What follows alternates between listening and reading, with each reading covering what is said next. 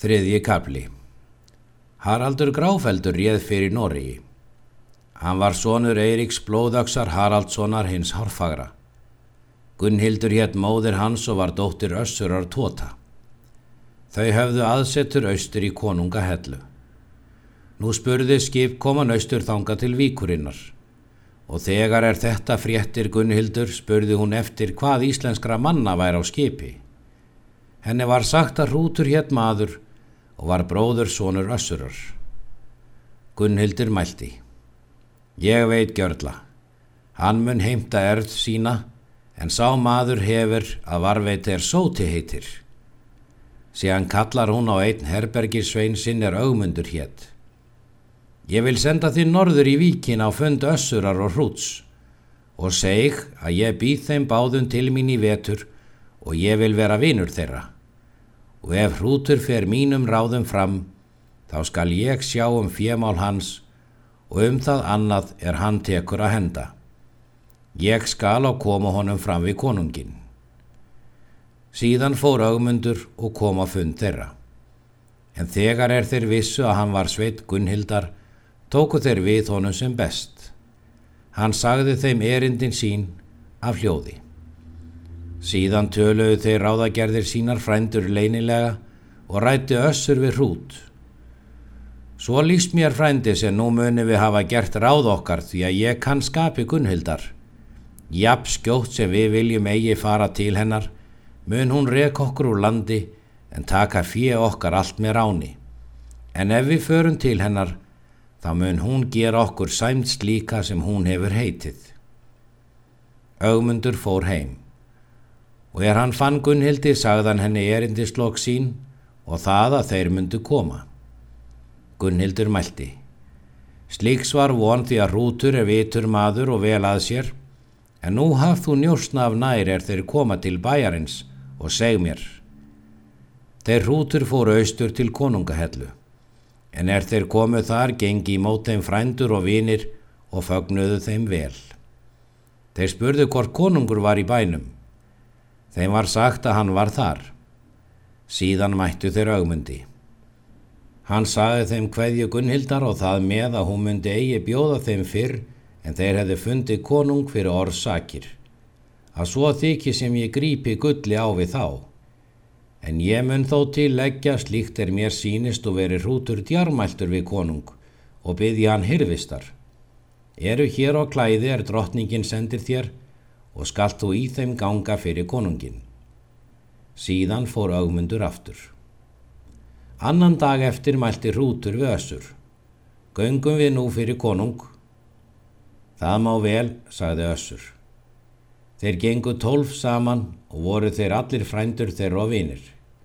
Þeir komi í höllina er konungur sati við drikju. Gekk hrútur fyrstur og kvatti konungin.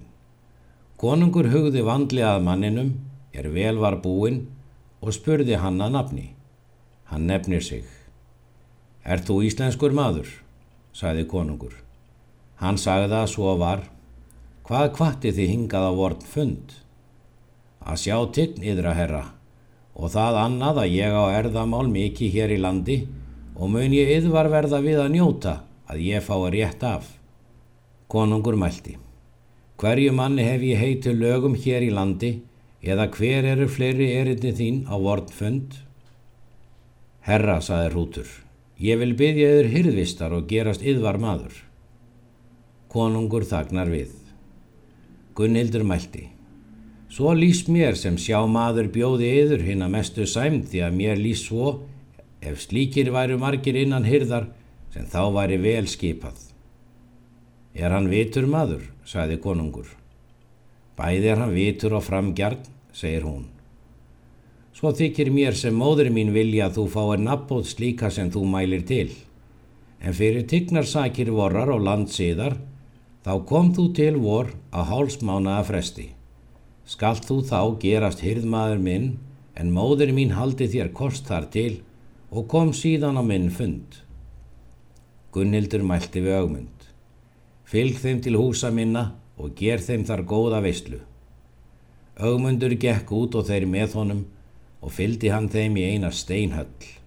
Þar var tjaldað hinn um fegursta borða Þar var og hásætti Gunnhildar.